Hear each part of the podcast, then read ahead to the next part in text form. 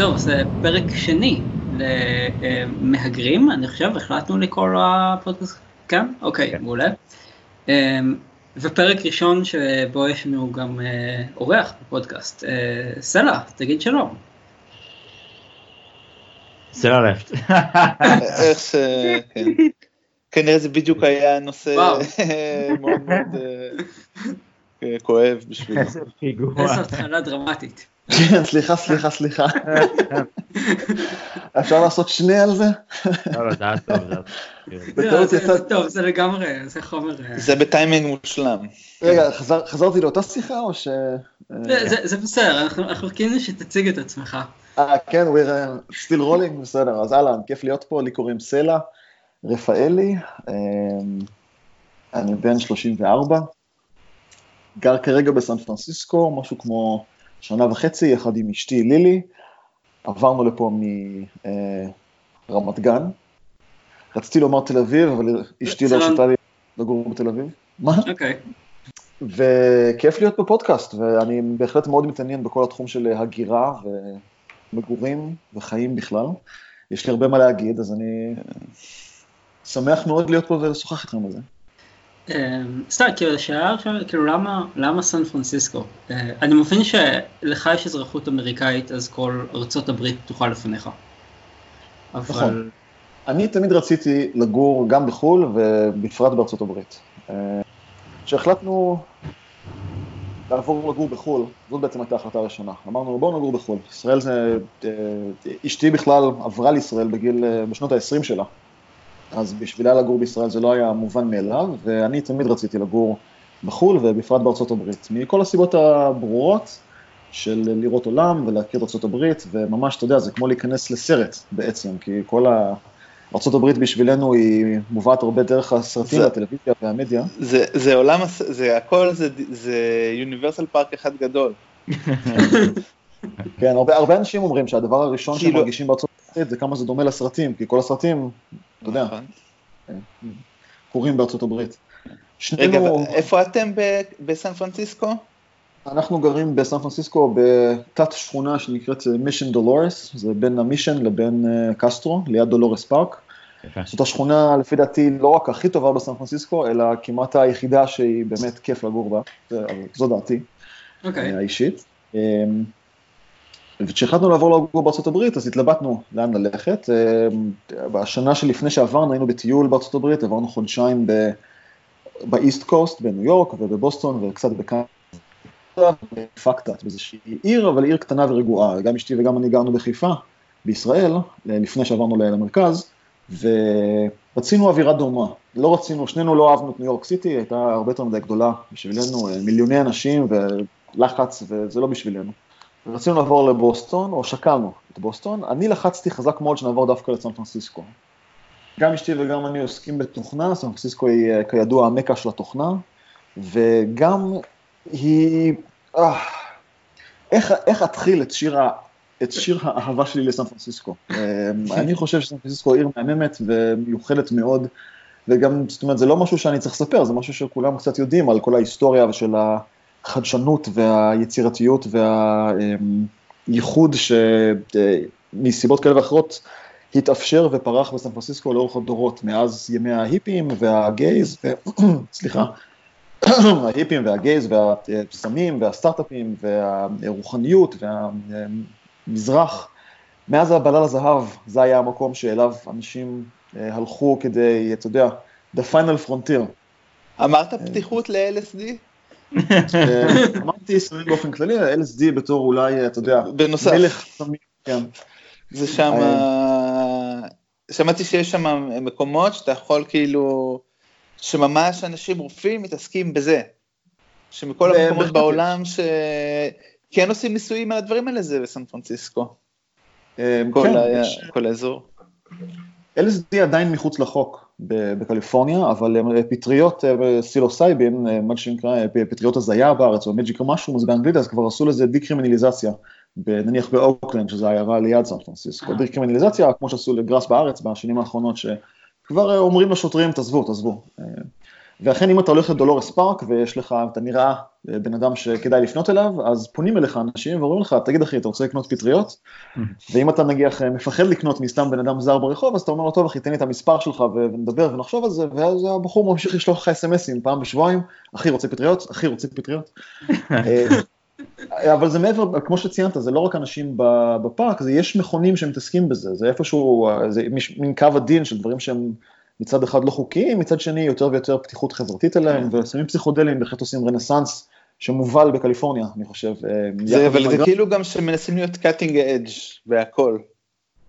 לא חושב שזה במטרה להיות cutting edge, זה כשהם, אתה יודע, מספיק מתרחקים מהעולם המוכר שהגבולות והמסגרות הסטנדרטיות כבר לא רלוונטיות, ואנשים צריכים לבחור לבד מה לעשות, באופן יחסי, יותר רחוקים, אתה יודע, מאירופה, מהוותיקן, מניו יורק סיטי, אנשים צריכים לבחור בעצמם מה לעשות, וכשאנשים בוחרים עצמם אז הם בוחרים לאו דווקא את, ה, אתה יודע, את האוריינטציה המגדרית או המשיכה המינית הסטנדרטית, וגם לאו דווקא את החומרים הסטנדרטיים של לצרוך, לאו דווקא את החוקים.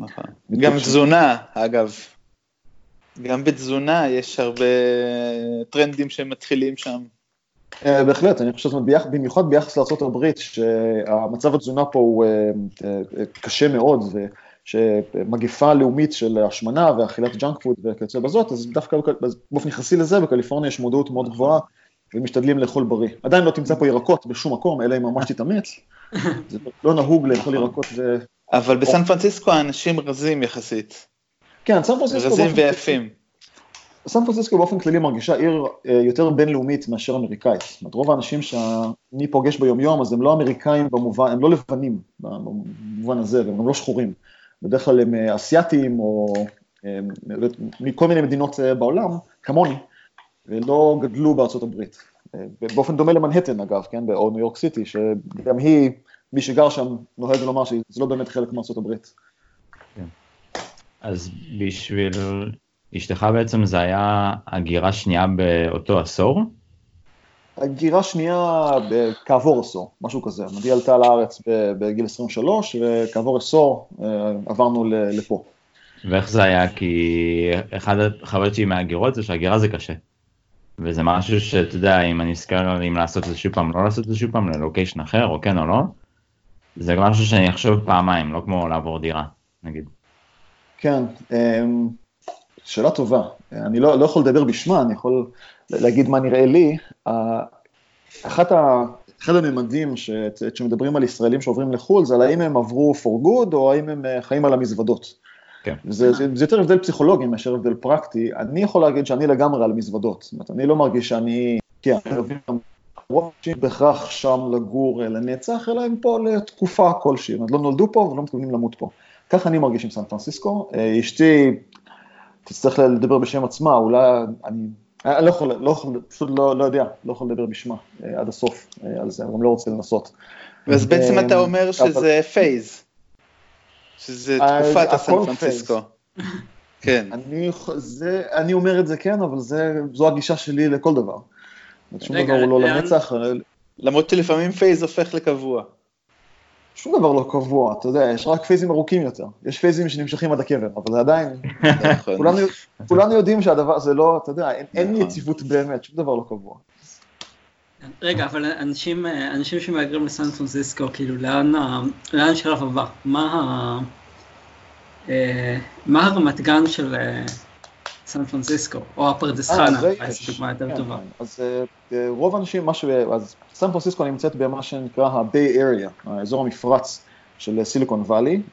סן פרנסיסקו היא לא עצמה בסיליקון וואלי, היא דווקא על ההר, אבל מדרום לסן פרנסיסקו נמצא הוואלי אה, בין רכסי הרים שנקרא סיליקון וואלי, מה שאנשים פה קוראים לו South Bay, זאת אומרת האזור שישר מדרום למפרץ. כמו כן גם יש את איסט ביי שהוא ממזרח למפרץ, ושם השכונות קצת יותר זולות, קצת יותר פרבריות, קצת יותר שקטות, ואנשים כשהם מגיעים לשלב שהם רוצים לצאת מהעיר ולעבור לכפר, ליד העיר, אז עוברים לאחד מאלה, ואכן יש אבל הם עדיין אומרים שהם גרים בסן פרנסיסקו. כן, כי לך תסביר לאנשים, אתה יודע, זה כמו שאני פוגש אנשים פה, ואני אומר להם שאני מתל אביב, ולא תתחיל להסביר להם, תשמע, אני מרמת גן, אבל אני מהחלק המגניב של רמת גן, זה קרוב לבורסה. אתה פוגש בן אדם, אומר לו, אתה מישראל, הוא אומר לך איפה בישראל, אתה אומר לו תל אביב, כן, לך תתחיל להסביר לו שזה נתניה. I know בורסה. כן. אנחנו גרים בסן פרנסיסקו עצמה, ממש מה שפה, כשעברתי לעיר, אז התחלתי לקרוא ספרים על העיר ועל ההיסטוריה של העיר, ואחד הדברים שממש בספרות מציינים זה שהדרך להבדיל בין אנשים שהם גרו פה, אנשים שלא גרו פה, זה שהם קוראים לסן פרנסיסקו The City, זאת אומרת זה העיר, להבדיל מכל הכפרים באזור, זאת אומרת יש את פלו אלטו ואת מנלו פארק ואת מאונטן ויו וכן הלאה, ויש את העיר, והעיר זה השם הקצר, גם סן פרנסיסקו השם נורא ארוך, אז אי אפשר כל פעם להגיד את זה, אז פשוט אומרים העיר, עושים לעיר, באנגלית כמובן, הכל פה באנגלית. ואכן אנשים, נגיד כשהם קונים בית, אז זה לרוב ב South Bay או ב East Bay. זה לרוב בשיפוע. אז אני אומר, דווקא ב South Bay וב East Bay זה הרבה פחות הררי, הרבה יותר suburban, וגם... זה מחוץ לפקקים, או שזה... אז האמת שמבחינתי South Bay, זה רחוק כמו הירח. אין לי, אני מגיע לשם, אתה יודע, שלוש פעמים בשנה, כן. אני לא יודע לעצור פקקים שם. פעם שעברה שהייתי, לחצות את הגשר לקח איזה שעתיים, כי היה פקקים. כן. כן, אתה יודע, זה כמו אשדוד בארץ, אני לא יודע מה מצב הפקקים בדרך לאשדוד, אני פשוט לא יודע, אני מתאר לעצמי שיש פקקים כלשהם, אבל זה לא חלק שהוא בחיים שלי, אז אני לא יודע. כן, אתה מבין עניין, אתה בתוך, ה... בתוך הבועה של סן פרנסיסקו. אפשר לומר, כן, לי מאוד חשוב. בתוך משולת הזהב. ועוד אחד מהשיקולים שהביאו אותנו לעבור דווקא לפה, הוא היה מרחק ההתניידות, שנוכל להגיע למקומות ברגל. זה גם בארץ היה לי מאוד חשוב, ובכלל אני כן. חושב שזה שיקול שמאוד משפיע על איכות החיים של האנשים, יש כמובן הרבה מדע בנושא. כן, אפשרי לגמרי, אפשרי, בוודאי, בדיוק, זה מאוד מזכיר את הדינמיקה בתל אביב. אם אתה מוכן לשלם טיפה יותר, אז אתה יכול לגור באזור שהוא טיפה יותר קרוב. ודווקא זה יש חניה בסן פרנסיסקו, זה לא שכזה קשה למצוא חניה. אני, אין לנו אוטו, אז אני לא יודע. אני הייתי עם אוטו שם וזה שטויות, זה בקטנה. אה, כן? זה לא כמו LA. זה לא כמו תל אביב ולא כמו LA, לא. וואלה. יש עליות וזה, אבל זה רגוע, ואני מת על סן פרנסיסקו. אני, אני גם, אני מאוד מאוד... יש שם, יש שם איזה פיצה שיש להם כאילו את כל סוגי הבצקים ואת כל סוגי התנורים. ואתה יכול כאילו ממש, יש להם את כל הקומבינציות, אבל הם עושים את זה ברמה. רגע, מה זה כל הקומבינציות? יש להם פיצה עם צ'יפס? לא, אני מתכוון לזה שנגיד זה תנור 900 מעלות גחלים ו-900 מעלות עץ ו-700 מעלות עץ וכזה יש של יותר, אבל של פיצה יותר דקה. וגם בבצקים היה שם כל מיני uh, וריאציות לפיצה. זה היה cutting edge אבל בבצקים. cutting edge. זה אני זוכר בתל אביב יש בורקס מחיפה, ובחיפה יש בורקס מתל אביב, לא מתל אביב, מיפו כמובן, ביפו יש בורקס חיפאי, ובחיפה בורקס מיפו. יש גם את הבורקס טורקי מחיפה, ברחוב יפו בירושלים. אני, אני מת על המקומות האלה, זה כמו ה, הלבנונית אבו גוש בשפיים. שיש כזה מקום באמת. באמת? לא, אין מצב. כן, כן.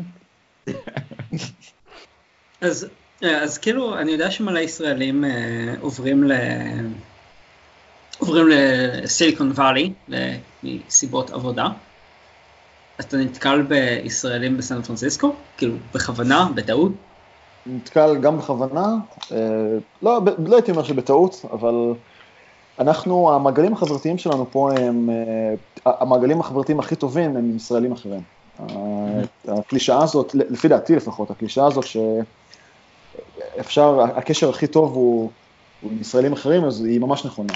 הישראלים פה גם, אנחנו במיוחד מרוצים מהם, ממש לא פגשנו אף, הם, הם, הם כולם בראש דומה לשלנו, בזה שהם בדרך כלל אה, חנוני הייטק שרוצים לראות עולם, שזה מין אה, שילוב של מעגלי ון, נכון. שיוצר אנשים די פתוחים להיפגש, וזה גם מעין אווירה של בסיס סגור, במובן של אנחנו כל כך רחוקים, כולם רחוקים נורא מהמשפחה ומהקהילה וגם מישראלים אחרים, ולא מכירים אנשים אחרים, במיוחד כשהם רק עוברים לפה, שהם ממש פתוחים ומחפשים את, ה, את החברה ואת ה, את החברים. וגם השפה.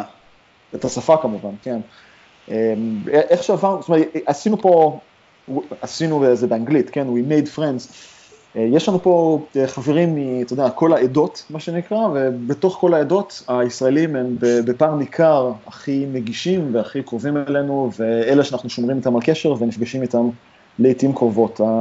הקונספטים של הפרסונל דיסטנס שיש לאמריקאים, ממש יוצרים קושי להתקרב, גם עם אנשים שאנחנו מרגישים ממש קשר טוב איתם, גם כשאנחנו ממש מרגישים כימיה אישית עם אנשים, בדרך כלל זה עם זוגות אחרים, אז הנורמות של כמה להיפגש וכמה להתקרב, הן נורמות אחרות. ואם אנחנו פוגשים okay. אוקיי. אותם פעם בחודשיים, אז מבחינתם זה קשר מאוד קרוב. זה BFF, זה BFF כן, פעם בחודשיים. ועם ישראלים זה, אתם יודעים, כן, אפשר לעבור, מה שנקרא, לעבור לוואטסאפ, ואוקיי, עכשיו, עכשיו אנחנו יכולים לדבר כל הזמן, כל הזמן, וזהו. רגע, ומבחינת פיתוח תוכנה, יש גם את העניין הזה? לגמרי, לגמרי. עם הישראלים. עם ישראלים יש דיבור ולאמריקאים יש כסף, זה זו החלוקה. אז אם אתה מוכן לעבוד עם אמריקאים, אתה יכול להרוויח יותר כסף, ואם, אה, אתה יודע, אני עבדתי קצת עם אמריקאים עד שעברתי פציעה ונשבר לי הזין מ... אתה יודע, אני מדבר עם אנשים ש... אחד הדברים שהכי חסר לאמריקאים, לפי דעתי, זה חוויית השירות הצבאי. בצבא מנחילים לנו פשוט אתוס של משמעת וסדר אה, ותכלסיות, שאנחנו לוקחים אותו כמובנת מאליה, ולאמריקאים היא חסרת לגמרי, שהם לא מבינים שלפעמים צריך, מה זה לפעמים? שיש הרבה יתרון פרקטי בלהגיד דברים פשוט ולהתקדם, במקום לנסות. לא לדרוך על, על אצבעות של אף אחד אחר וכאלה. אז בקיצור, יש פה כמובן הרבה מאוד יזמות ישראלית, ואני באופן אישי מעדיף לעבוד עם ישראלים מבחינת העבודה. אה, לצערי, ישראלים הם גם כמובן הרבה יותר אה, קמוצי, קמוצי יד, אפשר להגיד כזה דבר? אני חושב שכן. כן, נראה שכן. קמוצי יד. קמוצי יד, או שהם פשוט מצפים לעשר שעות ביום? כן, גם וגם. זאת אומרת, זה תמיד שילוב, שילוב של שני הדברים. אבל רוב הישראלים שאנחנו מכירים פה לא עובדים בהכרח עם ישראלים, הם עובדים בכל מיני... בעיר עצמה יש חברות אחרות, גם גדולות, Airbnb, אובר וכן הלאה, טוויטר, ועוד כמובן אלף חברות אחרות. אבל החברות היותר מוכרות והיותר בינלאומיות יושבות בוואלי, והרבה מהישראלים שגרים בעיר נוסעים כל יום אה, שעה, שעתיים לכל כיוון אה, כדי להגיע אליהם. זה trade off אה, בדומה למקומות אחרים בעולם, של לבחור האם לגור בפרוור. בישראל יש את זה פחות, כי בישראל גם החברות הגדולות וגם מרכזי המגורים נמצאים בגדול, אתה יודע, רדיוס של קילומטר מעזריאלי. זה פחות או יותר הגראונד זירו הישראלי. ועדיין יש פקק. ועדיין יש פקק, כן. איפה, בישראל? בסדר, כולם צריכים להגיע. אגב, אני, כן. אגב, שתדעו לכם שבישראל עכשיו, בגלל כל הבירדים והווינדים והאלה, אז יש פקקי תנועה גם על המדרכה וגם על הכביש. נגיד בעזריאלי יש פקק של, יש ערימה של קורקינטים, נוסעים, זה ממש כן, מס... כן. קשה לעבור עם כל הכלי רכב וגם ברגל, לוקח כאילו איזה רבע שעה, עשרים דקות לעבור את הצומת. השלב הבא בסימפסונס שיש להם בעיר אה, כזה אזור של אה, ערימת צמיגים בוערת, אבל היא בוערת תמידית, אז ככה פשוט ערימת לקורקינטים, אבל פשוט תמיד בוער. הייתי מת לראות איזשהו מהלך לאומי בארץ של להעביר את כובד המשקל אה, של ההייטק לצפון ולדרום ולהוציא אותו מעזריאלי, די, כמה אפשר. לא נקודה מעניינת לגבי הקטע שאתה אומר שאתה משמעת, כי דווקא פה מה שאומרים על ההולנדים, אני גר באמסטרם אגב, כל מה שאומרים אה, על ההולנדים זה שהם יותר תכלס, אתה יודע, הם מגיעים לעניין, לפעמים עלולים לפרש את זה כחוסר נימוס, אבל שהם פשוט הם ישירים והם cutting the bullshit, שזה בערך מה שאומרים על ישראלים. מי אומר את זה? אני קראתי על זה על משהו השבוע. Mm. קראתי על זה משהו השבוע. על השעות עבודה, שדווקא בהולנד, הכמות שעות עבודה בשבוע היא מאוד מאוד קטנה. כן. הם 30 שעות בשבוע, משהו כזה, כאילו בממוצע נגיד, אה, ואז זה אומר שבשש שעות שאתה במשרד, אין עכשיו, לא, לא באת לכלום, באת לתת בראש, לעבוד וללכת. שמים לב לזה יותר ש... שהם... ואז יש תכלס. הם שמים משמעות על, על אם כבר באת לעבוד ומשלמים לך על השעות, אז אתה כבר בא ואתה נותן עבודה. אבל אז גם אף אחד לא מציג לך באחרי. אבל זה גם נורא תלוי אם זו חברה שהיא עם תרבות עבודה אמריקאית, או שזו חברה עם תרבות עבודה אירופאית, או יש לזה הרבה פינות. הכוונה היא זה שכן יש פה את הישירות הזו, את ה...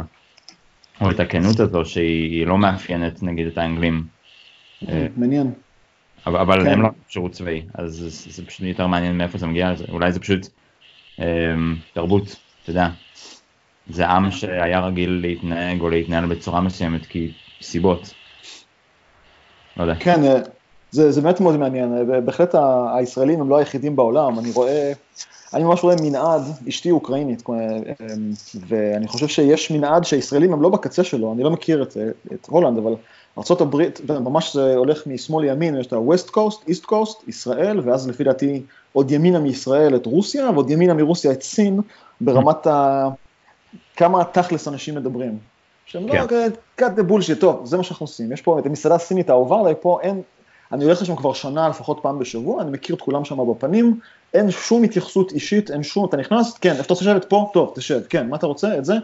ו- וזה ממש הטון שהם משתמשים בו, הם ממש אין שום, אתה יודע, נחמדויות או ביטינג אאונד בבוש, טוב, כן, מה, מה אתה רוצה להזמין? זה, אוקיי, אני אביא לך את זה. טוב, סיימת? רוצה לשלם? אוקיי, יופי, אתה יכול ללכת. ביי. כן. שכן, כשאתה חושב על זה, אז המיליטריזציה בסין וברוסיה היא די משמעותית. אה, יש מצב שזה, שזה קשור לזה, כן. אני חושב שבארצות הברית הם, זה גם בזכות המיליטריזציה וזה שהם, אתה יודע, הפגיזו ואנסו את כל שאר העולם, ועכשיו הם כל כך עשירים שאין להם ממה לדאוג, אז אתה יודע, יכולים להרשות לעצמם להיות, וזה לא רק יכולים להרשות, אלא אנשים גדלים בתחושת שפע ונחת, אתה יודע, מאוד צ'יל, כן, ישראל מדינה ב-PTSD, אנשים בכלל לא צ'יל. יש לי עוד שאלה. דברים ש, שפעם הייתי שומע על סן פרנסיסקו, אז נגיד גם אני מאוד מאוד אה, אוהב את העיר מביקורים שהיו לי שם, ובמשך הרבה זמן כשאני חשבתי שאני אעבור לחו"ל, אז זה היה לסן פרנסיסקו. כי הרגשתי איזשהו vibe מהעיר, ואמרתי, יש פה אמנים, יש פה היפים, יש פה tech, יש פה זה, אנשים כאילו ברוח. וכל כמה זמן, אז אני, אם נגיד אני מנוי, אתה יודע, דברים במדיום או, או, או בפוקט, אז אני רואה כל מיני אה, כתבות על איך ג'נטריפיקציה הורסת ערים. אז נגיד שאמרו שכולם אוהבים את התרבות של אה, ההיפים והאמנים בסן פרנסיסקו, ועכשיו הם לא יכולים להרשות לעצמם לגור שם, אז בעצם הוצאת את כל הרוח מהמקום. וזה משהו שגם שומעים המון על אמסטרדם, שגם אמסטרדם עיר סופר יקרה, ברמות מטורפות, ברמות של גם תל אביב וסן פרנסיסקו, ואתה רואה המון מקומיים או המון אנשים שכן חיו פה וכן היוו פה את הבסיס הרוחני ההיפי, הסקואטים של אמסטרדם, ומתלוננים על בעצם שכל הג'נטריפיקציה והכסף והטק ושמכניסים פה ושהופך את זה לעיר כל כך עשירה, זה בעצם מה שבסוף הורס את העיר מהרוח האורגינלית שלה. רגע, עלה שכר דירה על הסקואטים? כן. אז אם אתה, אם אתה מרגיש את זה, אם אתה שומע את זה, או, או מה אתה חושב שאולי ההשפעה שלך על זה? כי אני נגיד, עם, עם מטמי אני נורא מתחבט על זה, על איך אני משפיע על אמסטרם כמהגר שבא מבחוץ, מרוויח מלא כסף ויכול להרשות לעצמו שכר דירה מופרך. כן, אז קודם כל אני מסכים עם כל מה שאמרת, וזה תיאור אה, מאוד מדויק של המצב, אה, במיוחד בסן פרנסיסקו ובכל הסיליקון ואלי, שההתפוצצות של תעשיית התוכנה פה אה, הביאה לגל של מהגרים צעירים ועשירים, ש... וזה הזניק את שכר הדירה בכל המקומות, וזה מבריח הרבה מהמשפחות שגרו פה, או את האנשים שלאו דווקא מסתכלים כאלה סכומים גבוהים, או לערים אחרות או לרחוב. זה אכן אה, בעיה מאוד גדולה פה, קודם כל בעיה אנושית של, אתה יודע, אנשים, אני, גדל, אני גדלתי בכרמל בחיפה, ואם בכרמל בחיפה היו פותחים עשר חברות שהיו נהיות מעצמות עולמיות והיו מגיעים גלים של מהגרים אתה יודע, פקיסטן והודו ולא יודע איפה, ומתחילים לגור שם וזה היה, אתה יודע, מחירי הדיור היו כל כך גבוהים שהמשפחה שלי הייתה צריכה לעבור, אז הייתי מאוד מתבאס מזה, וזה אכן היה מאוד אה, מציק והייתי מתמרמר על זה. אה, וזה, וזה אכן אה, בעיה מאוד קשה. אני חושב, קודם כל פשוט ברמה האנושית, וגם ברמת האופי של העיר. Having said that, עדיין אני חושב שיש תרבות מאוד חזקה פה, והתרבות הזאת, אני חלק ממנה, זאת אומרת, אני חלק מהאנשים שיוצרים את התרבות, כשאנשים מדברים על התרבות של העיר הזאת, אז הם מדברים, לפחות בחלקו הקטן, עליי ועל מה שאני מביא לפה. אז אני משתדל מאוד, uh, to, אתה יודע, keep San Francisco weird, uh, ואני חושב שבזה אני מצליח. גם זה עיר כזה שהשתנתה כמה, כבר כמה פעמים היא השתנתה, לא? כן, אתה יודע, כל מקום שאומרים, אה, זה לא מה שזה היה פעם, כל מקום שאומרים כן. עליו זה לא מה שזה היה פעם, אז תמיד אמרו את זה. וזה, מצד אחד זה תמיד נכון, ומצד שני, תמיד אומרים את זה. ומצד שני, ניו יורק זה תמיד ניו יורק. כן, אני לא, אני לא מוסמך לדבר על ניו יורק, אני לא גרתי שם. כן. אבל כאילו סן פרנסיסקו, כאילו תמיד הייתה מעין מרכז כזה של מהגרים, לפחות איזה מאה שנה אחורה, או אמרת שקראת כאילו ספרים עליה.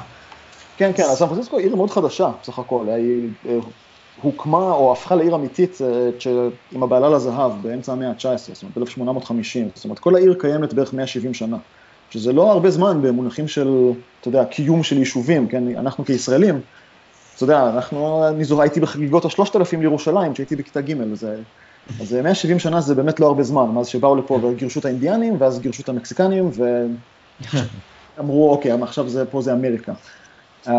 אז הגל הגדול הראשון היה הבעלה לזהב, שממש מצאו זהב בהרים, אחר כך היה את הבעלה לכסף, ואחר כך היה את הבעלה לתפוזים, ואת הבעלה לנפט, ואת הבעלה לסיליקון, ועכשיו אומרים שזה הבעלה לענן.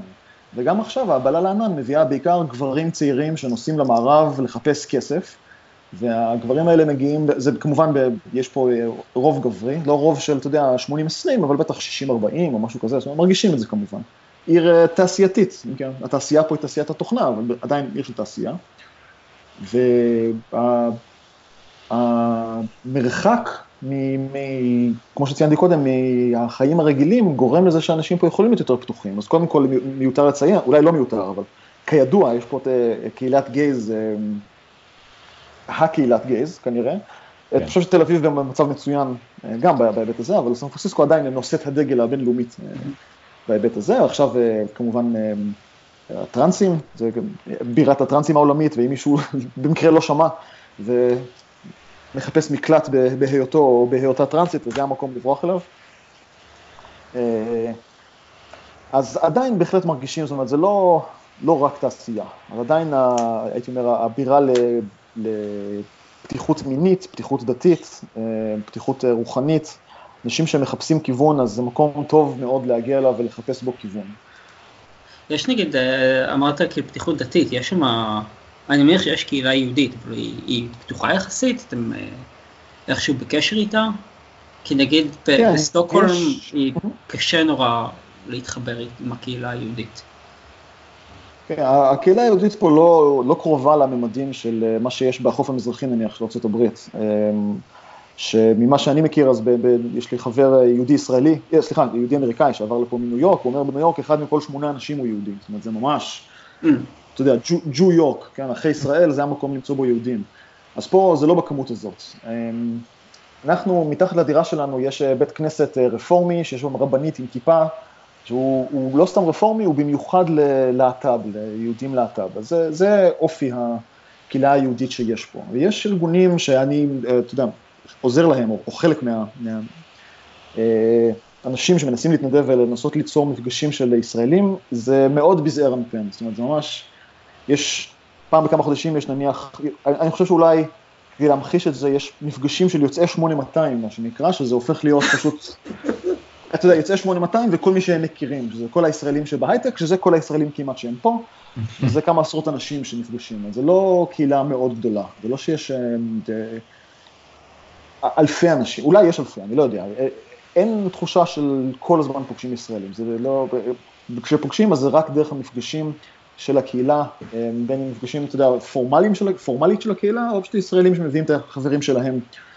וכן הלאה, אז זה בהחלט מרגיש אה, רחוק אה, במובן הזה, ויש, נדמה לי שיש בית חב"ד, לא הייתי בו, אז אני לא יודע, נדיר שפוגשים ישראלים דתיים, או שרואים כיפה, או איזשהו סממן כזה, יש כמה בתי כנסת שזה מיועד ליהודים המקומיים, אה, הבנתי. נכון, זה הקהילה היהודית הלא ישראלית. היא כנראה קיימת ואני כנראה לא חלק ממנה. כן. זו כנראה השורה התחתונה. מה, מה אתה חושב שהיה הדבר הכי קשה בשנה וחצי האחרונות? אה, זו שאלה טובה. הכי קשה. אמ, יש, זה מעין תהליך התבגרות. זאת אומרת, אתה נוסע למקום שבו אתה נדרש להיות מבוגר במובנים הלא צפויים, במובנים שאתה צריך להחליט מי אתה ו- ומה אתה עושה, כי אתה, אין לך את המסגרות סביבך, גם המסגרות המפורשות וגם המסגרות האימפליציטיות, של ללמוד מהן של איך עושים דברים ומה אמורים לעשות, והאם אמורים לעבוד וכמה אמורים לעבוד, וכל אחד ומה שהוא עובר איתו, כן, בין אם זה רוחניות או כסף או משפחה או מיניות, להחליט איך לנהל את חייך במקום חדש לגמרי, ולגלות מי אתה. זה, הייתי אומר, האתגר הגדול ביותר, שהוא שונה כשאתה בחו"ל, שאתה חייב, אה, אתה יודע, להבין איך מערכת הבריאות פה עובדת, ואין לך, לא, אין לך אפילו את מי לשאול. רגע, מה זה מערכת הבריאות עובדת? זה קיים? כאילו, חשבתי שזה הגדולה האמריקאית, היעדר כן. מערכת בריאות. אני, אני הרמתי ידיים מערכת בריאות פה, ואין לי כוח להתעסק עם זה. עצוב, די עצוב. זה כן, מראה טובה. זה, זה לגמרי עצוב, זה, אני בכלל, כל הדעה של ארה"ב השתנתה, וזה אחד הדברים ש... אני לפני שעברנו הייתה לי אידליזציה של ארה"ב, ואמרתי, אתה יודע, אמריקה וכן הלאה, היום אני חושב שזו מדינה עצובה, פשוט מדינה עצובה, שאם אתה במקרה לבן, עשיר ומשכיל, אז זה יכול להיות נחמד לגור פה, אם אתה לא שלושת אלה, אז מצבך סביר להניח יהיה קשה. זה שהמדינה העשירה, האימפריה של העולם, לא מסוגלת אה, לאפשר ביטוח בריאות וחינוך לתושבים שלה, זה פשוט מזעזע ועצוב. ובאמת מי שפה אין לו כסף, אז מצבו קשה. אם אתה שחור, יש מצב טוב שאתה תהיה בכלא, או שהיית פעם בכלא, ממש, אתה יודע, מספרים מזעזעים, 30 אחוז מהגברים השחורים באיזשהו שלב בחייהם יהיו בכלא, או, אתה יודע, אולי אני לא מדייק במספרים, אבל זה הסדרי גודל, הדברים הם מחרידים. זה של זה, אבל סיפור ספציפי על הכלא והשחורים. שה-war on drugs, בעצם זה היה מהלך שהכניס, אה, גרם פוצץ את הבתי כלא בשחורים. כן. כי מי, מי הסוחרים? מי, ה... מי בסוף כל... איפה זה קורה? זה קורה בשכונות האלה, בגטואים, באזורים האלה. וברגע כן. שאתה מתחיל לקחת, אה, לשבור משפחות, לקחת אנשים לכלא, ולא שזה היה פחות שעברו לפני זה, אז כאילו זה כמו להבה, זה מדליק את עצמו. אה, לגמרי, לגמרי. זה שאני חושב שיש יותר שחורים היום בכלא ממה שאי פעם היו עבדים, או משהו כזה, זאת אומרת, במספרים אבסולוטיים. וואו. זה, זה, זה, אני, מערכת הבריאות, מה שקשה לי איתה זה הבירוקרטיה. זאת אומרת, אנחנו, איך שזה עובד, יש ביטוח בריאות, ואז אתה הולך ומשלם, ותלוי איזה בריאות יש לך, אתה צריך למלא טפסים, לקבל החזר, בלה בלה בלה, זה סרט עולמי, ואין עם מי לדבר, וזה כל כך נורא שאני מעדיף כבר, אתה יודע, פשוט לשבת בבית ולהתמודד עם הכאב או מה שקורה, עם הכאב הפיזי, מאשר עם הכאב של להתעסק עם הטפסים. Mm. אז אה, אתה יודע, ברגע שמגיעים למצב הזה, אז אתה... כן, אני יכול, אני יכול להבין את זה, כאילו לי, נגיד מאז שעברתי לא, לא ראיתי רופא, גם לשמחתי לא היה לי שום דבר שהייתי צריך עבורו לראות רופא, אבל uh, לנסות, uh, כאילו מערכת הבריאות השוודית היא, היא מיין שילוב מאוד מעניין בין מערכת סוציאליסטית, uh, שבה אתה משלם ממש ממש מעט על, על שירותי בריאות, כאילו כמה ש... אני חושב שההוצאות בריאות שלך חסומות באיזשהו כאילו סכום שנתי. ואם כל מה שאתה צריך לשלם מעבר לזה, המדינה כבר, המדינה משלמת במקומך. אמ, ומצד שני, הטיפול עצמו כאילו על ידי מרפאות פרטיות. אה, אבל לנסות, לנסות למצוא נגיד רופאים מומחים, או לנסות כאילו זה פשוט, פשוט, אני, אני לא מבין איך זה עובד, כאילו אני, אני רשום כחולה במרפאה אחת, אמ, לידינו, עכשיו אני רוצה, לא יודע, רופא אף אוזן גרון, אין להם רופא אף אוזן גרון, אין לי מושג איך זה עובד, כאילו כאן זה נגמר. כן, אה, אה, ראוי לציין בארצות הברית, מי שאין לו ביטוח בריאות, או מי שלא מצ... או מי שאתה יודע, במקרה הולך בטעות לבית חולים, שזה לא הבית חולים שהוא אמור ללכת אליו או משהו כזה, אז זה מקרה מאוד נפוץ פה, שמישהו שובר את הרגל, והעלות של הטיפול, אה, אתה יודע, מכניסה אותו לפשיטת רגל. ממש, אה, זה, אני חושב שהגורם מספר אחת של פשיטות רגל פה זה... שבירת רגל. רפואיים, כן, זה, אתה יודע, זה, יש בדיחה שה... מדיניות הבריאות פה זה don't get sick. אם אתה get sick, יכול מאוד להיות שכאילו הלך עליך. אז אנשים כמוני, אני נניח מבחינתי, אם קורה משהו רציני, אז ברור שאני על המטוס הראשון בדרך לישראל. כן, אם אתה נפצע, אתה חייב שיהיה לך לפחות איזה עשרת אלפים דולר שאתה יכול להעביר. כן. לפחות עד שיענו לך בישראל על מהביטוח. צריך, אתה יודע, רק כסף למונית לשדה התעופה, זה מה שהתקציב בריאות שלי. כן. מגיע לבידוק הביטחוני, אדוני, למה אתה מדמם כאן? זה בסדר, זה בסדר, אני טס לראות רופא. רגע, אתה משלם ביטוח לאומי בישראל? אמ, שאלה מצוינת, יש לשער שכן. אנחנו לא קיפלנו את ה... אתה יודע, אני, אני, כמו שציינתי, אני מאוד לא טוב בבירוקרטיה, אז אני לא יודע... אה, אז יופי, זה טוב לך מבחינת בריאות. אתה כאילו בחופשה בחו"ל, אתה לא... לא סגרו לא. לך את התיק בשום מקום. לא, אנחנו, את ההסדרים הבירוקרטיים שכן עשינו, עשינו אה, בשביל לעבור לחו"ל. זאת אומרת, אנחנו מבחינתנו כן נערכים למצב שבו אנחנו כאן, כי אין ברירה. זאת אומרת, אפשר לצחוק, אה, אתה יודע, אם לא תהיה ברירה אז נחזור לארץ, אבל אנחנו, אנחנו מבחינתנו אה, גרים פה. יש לי גם שאלה. אמ, יש משהו שכשאתה מסתכל אחורה היית עושה אחרת? בתהליך? אה, זו, אה, זאת שאלה ממש פילוסופית, כן? אז, אה, אה, אז אני אענה קודם ברמה הפילוסופית. ברמה הפילוסופית, אה, ברור שלא. הפילוסופית זה כמו, אתה יודע, זה... לא היית, בשום דבר בחיים לא הייתי משנה שום דבר. It's been a wild ride, ואני שמח גם על החלקים הטובים וגם על החלקים הרעים. כן. אם הייתי מנסה לתת אולי טיפים למישהו אחר שעושה מין מעבר כזה ל... אה, לתקופה ארוכה, אה, ליצור קשר עם ישראלים. זה מה שאני, כשנחתתי פה לא, לא הכרתי אף אחד, ו... אבל תוך כמה ימים אז התחלתי לפנות לישראלים שזכרתי שעברו לפה, וגם אם הם כבר לא גרו פה, אז הם היו להם חברים ישראלים שעכשיו גרים פה, וחבר אמר, אתה יודע, פניתי לחבר שעבד איתי בארץ, שאחר כך בזמנו גר פה, והוא אמר לי, אני כבר לא גר שם, עברתי לניו יורק, זה גם משהו שהרבה ישראלים עושים, גרים בסן פרנסיסקו השנה וחצי או שנתיים, ואז עוברים לניו יורק, או לאזור ניו יורק, והוא הפנה אותי לחבר אחר שלו שעדיין גר פה, פגשתי את הבחור ההוא, נהיינו חברים טובים, הוא הזמין אותי למסיבה שלו, פגשנו עוד ישראלים, וככה, אתה יודע, נוצרה לנו חבורת ישראלים, ושעד היום זה החבר'ה שלנו פה. נגיד לנו היה קשה למצוא כאן, אה, למצוא כאן חברים.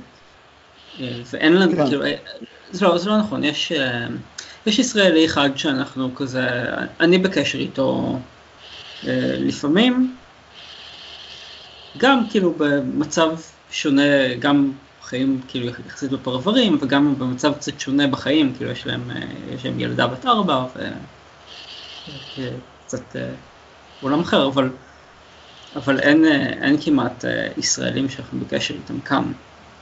אה, אני חושב שגם פשוט יכול להיות שגם אין הרבה ישראלים שחיים בסטוקהולם, בסך הכל זו, עיר קטנה. והיא לא, לא מעניינת במיוחד. אבל זה כאילו זה תמיד, זה, זה ממש שאלה, זה ממש לא ברור, כאילו איך אתה, איך אתה מוצא מעגל חברתי שיגרום לך להרגיש שאתה לא איזה דריפטר. לגמרי. לגמרי, אז באמת אולי במובן יותר רחב, ההמלצה שלי לפנות לישראלים היא בעצם המלצה ל- למצוא קהילה. הקהילה לא חייבת להיות קהילה של ישראלים, זו סתם אופציה הכי מתבקשת, אבל בישראל אנחנו רגילים שיש קהילה אה, אינטימית ברמת מחנק, כן? זאת אומרת, יש כל כן. כך הרבה קהילה שאי אפשר לנשום. ואז כשעוברים לחו"ל, ואז יש פתאום אפס קהילה, ופשוט אף אחד לא מדבר איתך, אז זה- שינוי מאוד חד, אז זה טוב, אני, אני חושב שאנשים בישראל לא מבינים, אה, לא, לא כביקורת, אני בעצמי לא, לא הבנתי, פשוט כי אנחנו כל- כל- לוקחים את זה כמובן מאליו, את uh, קיומה של הקהילה, ובחו"ל צריך למצוא קהילה חדשה, למצוא או כן. לבנות או להצטרף לאחת קיימת, אז כל אחד והקהילה שמעניינת uh, אותו או אותה, אבל קהילה זה חשוב, uh, זה נראה לי חשוב גם ליחידים, גם לזוגות, צריך שיהיה אנשים מסביב, אפילו אם, האנשים האלה מעצבנים, זה יותר טוב מאשר להיות לבד. גם למרות שרוב היום אתה בעבודה, כאילו על הדף מצד אחד, רוב היום אתה בעבודה. אני כבר לא, זה מה שאתה או, שואל. או שנגיד אה, חלק ניכר מהיום שלך אתה בעבודה, ואז אנשים בעבודה, זה חלק כאילו מאוד משמעותי, אבל מצד שני, הש, עוד השמונה, השליש יום שאתה ישן בו זה בבית, במשפחה, בחברים, מה שאין באמת בחו"ל. כן. ואז החלק של העבודה הוא לא משמעותי בכלל. למרות שזה רוב היום. כן, אני חושב שהעבודה זה מצוין, זה, זו דרך אחת למצוא קהילה, זאת אומרת, זה אנשים שאתה כן. פוגש אותם, יש לכם איזושהי מטרה משותפת, מעבירים זמן ביחד, ולא רק בשביל הכסף, כדי ללכת לעבודה, גם כדי בשביל... גם שם מכירים אותך. שם יודעים שאתה קיים. כן, כן. זה אה, חשוב ו- וכדאי. כן. מצד שני, מצד שני, תמיד לימדו אותנו שכאילו שיהיה גם חיים מחוץ לעבודה. כן, אז, אז חשוב. בדיוק זה מה ש... הדברים שהתייחסתי אליהם קודם, שאתה נדרש לחשב מחדש איך אתה רוצה לחיות את חייך ולמה. כשאתה, כשאתה מגיע, אתה יודע, ל clean slate, לטאבולה ראסה, ואתה אומר, אוקיי, אז מה, מה, מה, מה עושים פה בעצם? גם אני אתה צריך להחליט לבד מה עושים. כי היו, היו, היו, הייתה שגרה והיו חברים והיו מעגלים והיו תחביבים בארץ, ופתאום זה לא קיים. אצלי זה. לפחות הגיע בדיליי, זה לקח איזה שלושה ארבעה חודשים אחרי המעבר, אחרי שנגמרה הביורוקרטיה ומצאנו דירה ומצאנו זה ומצאנו זה, ואז כזה, אוקיי, יש לי זמן פנוי. כן, מה עושים? מה, בעצם? ואז לכאורה זה דבר נורא טוב, תמיד רצית, תמיד רצינו שיהיה לנו זמן פנוי, כל השאר הדברים אתה רק עושה אותם כדי להגיע סוף סוף לזמן הפנוי, ואז כשיש לך מלא זמן פנוי אז אתה אומר, טוב אז מה, מה בעצם נעשה? זה? אז מה, מצאתם תחביבים חדשים לכבוד המעבר? כן, אז קודם כל אה, אשתי סופר אקטיבית, והיא דואגת שלא יהיה לי יותר מדי זמן פנוי, אז אמ, יש לנו, יש פה הרבה מה לעשות, יש הרבה טבע מסביב, אז אנחנו יוצאים הרבה לטבע, ויש הרבה תרבות בעיר, אז אנחנו יוצאים הרבה לעיר. אמ, אני הלכתי גם לכיוונים אה, שלי, שמעניינים אותי, שהזכרנו קצת בתחילת השיחה אה, את ההיבטים של הרוחניות וה... איך עוד לקרוא לזה? ההסתכלות פנימה, אולי. הרבה, זה קורה להרבה ישראלים, אני חושב, שנוסעים לחו"ל והם מתחברים, הרבה פעמים זה ליהדות, כן? גם מתגעגעים אולי קצת, וזה כולל גם אותי, אני מאוד, זה, זה נשמע מאוד, אה, מצד אחד מאוד קלישאתי, ומצד אחד, מצד שני מאוד אה, הזוי עבורי להגיד מילים כאלה, וגם לאנשים שמכירים אותי, אבל אני מאוד התקרבתי ליהדות בחודשים האחרונים אה, אה, הייתי אומר ליהדות רפורמית. לא ליהדות אה, קונסרבטיבית שהיא הזרם השולט בישראל, אבל אה, אני היום הייתי מגדיר את עצמי כ... בהחלט כרפורמי, אולי אפילו כדתי, במובן הרפורמי. אה, אני גם בן אדם דתי שלא מאמין באלוהים ולא מקיים שום מצווה. אבל יש לי דת. תחזור, פספסתי משפט? אני מצד אחד אני יהודי, זאת אומרת יש לי דת, אני בן אדם דתי. מצד שני אני לא עושה כן. אפילו לא מצווה אחת. אולי עשר כן. מתוך שלוש מאות. אז אם תשאל רפורמים, הם- או, או אם תשאל אותי, אז אני אגיד לך שאתה לא חייב לעשות את המצוות, כמו שאתה לא חייב לקבל פרשנות של אף אחד אחר למה זה יהדות, כן? כיוון שכנראה שכולם מהיטלר ועד מאה שערים יסכימו שאתה יהודי, אז אתה יכול לבד להחליט מה זה יהדות, זו הדעה שלי. נכון. ופה אנחנו קצת זולגים לשיחה על, על יהדות, אה, אז, אבל זה גם תחביב, או אתה יודע, הדרך ל... צריך להעביר את הזמן איכשהו, כן? אז אפשר לראות נטפליקס, ואכן זה משהו ש, שעושים, אה, אבל אפשר לחשוב על למה אנחנו חיים את חיינו, ואיך אנחנו חיים את חיינו, במיוחד בתור יהודים, מה מבדיל אותנו מאנשים אחרים, ולמשל הממד של הקהילה הוא משהו מאוד מאוד יהודי, שבישראל שוב לוקחים אותו כמובן מאליו, כי זו מדינה יהודית וכולם יהודים, אז יש כאמור קהילה עד שאי אפשר לנשום, אבל בארצות הברית אין קהילה ברמה הזאת, לרוב האנשים לא אכפת ממך, ורוב האנשים נמצאים לבד, ויהודים כן מחפשים את הלהיות ביחד. אז זה משהו שהוא בעיניי מאוד יהודי, למשל. אני בהחלט ממליץ לאנשים, אני מאוד מתעניין, התחלנו, דיברנו קודם על אה, אה, צמחים וכימיקלים אה, למיניהם שפותחים את הראש לדברים חדשים, ואני ממליץ לכל אחד לעשות את זה, ולבוא לפה לעשות את זה. אגב סן פרנסיסקו גם. בירת ה micro-dosing, לא? אני עוד, ככה אומרים, אני עוד לא ניסיתי. מיקרו. פגשת אנשים שעושים? אני, זאת אומרת, microdosing, פגשתי אנשים שאומרים שהם עושים, אה, כל הפואנטה ב microdosing זה שקשה לראות אה, עד כמה זה משפיע. אבל הפתיחות פה ל dosing ב... אתה יודע, המינונים הרגילים אה, היא די גבוהה. ו... כל אחד הוא באיזה dosing. זאת אומרת, אני חושב שזה משהו שכל אחד כדאי לו לעשות. כמו, כמו לנסוע לחו"ל וכמו לגור בחו"ל. זה ממש, אני גם רואה את זה כיש הרבה או דמיון. לעשות בר מצווה. בר מצווה עוד לא. זה זה בין, זה משהו כאילו בין שלושת הדברים האלה. כאילו כשאתה מסתכל על זה בדיעבד, אתה אומר בואנה זה מרגיש כמו בר מצווה, כמו טיסה לחו"ל. יכול להיות, אני לא. אני לא יודע. אוקיי, אנחנו במרק. יאללה, שיהיה בכבוד. כן. כן. תודה רבה. יאללה. ביי ביי. ביי.